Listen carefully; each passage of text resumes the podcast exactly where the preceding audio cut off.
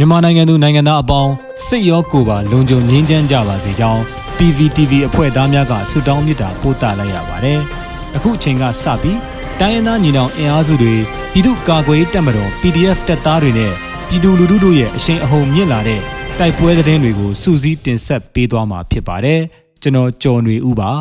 ။ပထမဦးစွာတင်ဆက်မှာကတော့မြကြီးနားမြို့နယ်ရှိမြောက်ပိုင်းတိုင်းစစ်ဌာနချုပ်ဂိတ်ကို40မမဘုံသီးဖြင့်တိုက်ခိုက်ခံရတဲ့တဲ့တင်ပါ မတ်လ22ရက်နေ့ညနေ6နာရီအချိန်မှာကချင်ပြည်နယ်မြကြီးနားမြို့နယ်မြကြီးနားဂေါက်ကွင်းမှလုံခြုံရေးတာဝန်ကျစစ်ကောင်စီတပ်ဖွဲ့ဝင်များကို40မမဘုံသီးဖြင့်ပစ်ခတ်တိုက်ခိုက်ခဲ့ကြောင်းရင်းနောက်ည9နာရီအချိန်မြောက်ပိုင်းတိုင်းစစ်ဌာနချုပ်ဂိတ်ရှိလုံခြုံရေးတာဝန်ကျစစ်သားများကို40မမဘုံသီးဖြင့်ပစ်ခတ်ခဲ့ကြောင်းသိရှိရပါတယ်။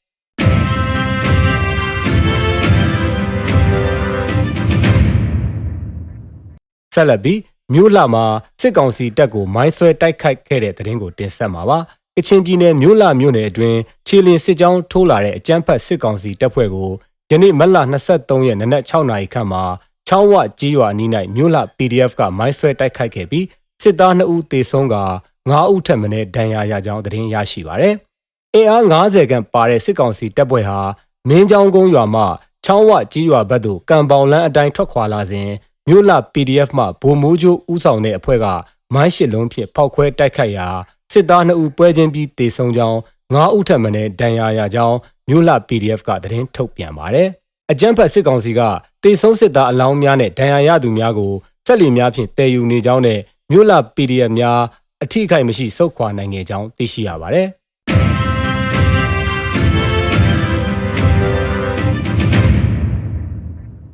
စလင်းကြီးနဲ့မင်းကင်းမှာစစ်တပ်ကိုမိုင်းဆွဲတိုက်ခိုက်ခြင်းကြောင့်စုစုပေါင်းစစ်သား12ဦးသေဆုံးတဲ့တဲ့ရင်ကိုဆက်လက်တင်ဆက်မှာပါ။မတ်လ23ရက်နေ့နနက်9:30မိနစ်အချိန်မှာ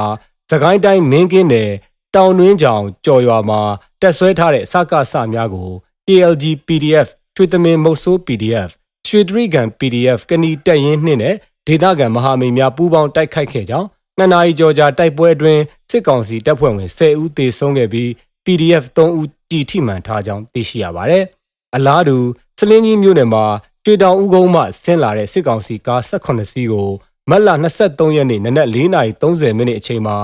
Unity Force မုံရွာ UFM နဲ့ Brother Defense Force BDF တို့ကစတင်တိုက်ခိုက်ခဲ့ကြောင်းသိရှိရပါတယ်။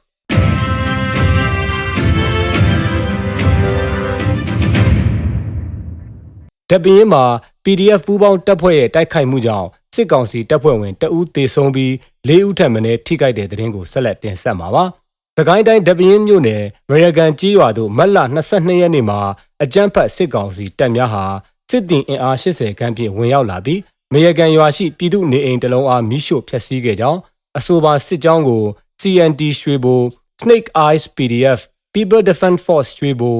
Alpha 7အရတော်ရွှေချိုးပြူပကဖနဲ့ ရွှေဘိုမြို့နယ်ပကဖတပ်ပေါင်းစုနှစ်တို့ကတွားရောက်တိုက်ခိုက်ရာစစ်ကောင်စီတပ်သားတအူးသေဆုံးပြီးစစ်သား၄ဦးထပ်မံအပြင်းအထန်ဒဏ်ရာရရှိကြောင်းဒေသခံများထံမှသိရပါဗျ။